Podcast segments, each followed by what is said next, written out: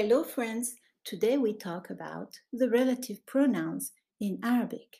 Al-ismul mawsul. That's the name of the relative pronoun in Arabic. Al-ismul mawsul. And uh, we have singular forms, dual forms, and plural forms. In the dual masculine, we say alladhani or alladhaini Alladhani for nominative, alladhaini for accusative or genitive or prepositional case. For example, العراقيان اللذان أعرفهما. What does that mean? العراقيان, the two Iraqis, اللذان, that, أعرفهما, I know. But of course in Arabic we say that I know them.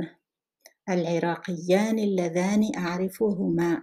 Huma is the dual pronoun. In the dual feminine, we say allatani. That's in the nominative case. In the accusative or genitive or prepositional case, we use alladaini, and we have here uh, an example with the accusative case.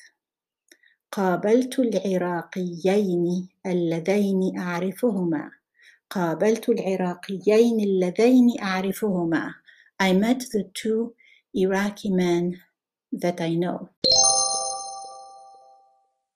In the dual feminine, we use اللتان or اللتين, as in العراقيتان اللتان أعرفهما. The two Iraqi ladies that I know. And of course, we say, the two Iraqi ladies that I know them, we have to include the object in the relative sentence.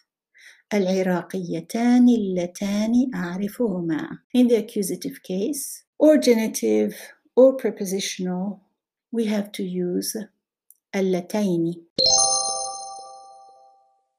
Let's take the accusative as an example. قابلت العراقيتين اللتين أعرفهما. I met the two Iraqi ladies that I know. قابلت العراقيتين اللتين أعرفهما. Of course, they could be ladies or kids as long as they are feminine, female. العراقيتين, the two Iraqi females. Subscribe and share with your friends. Check out my YouTube channel and my books on Amazon.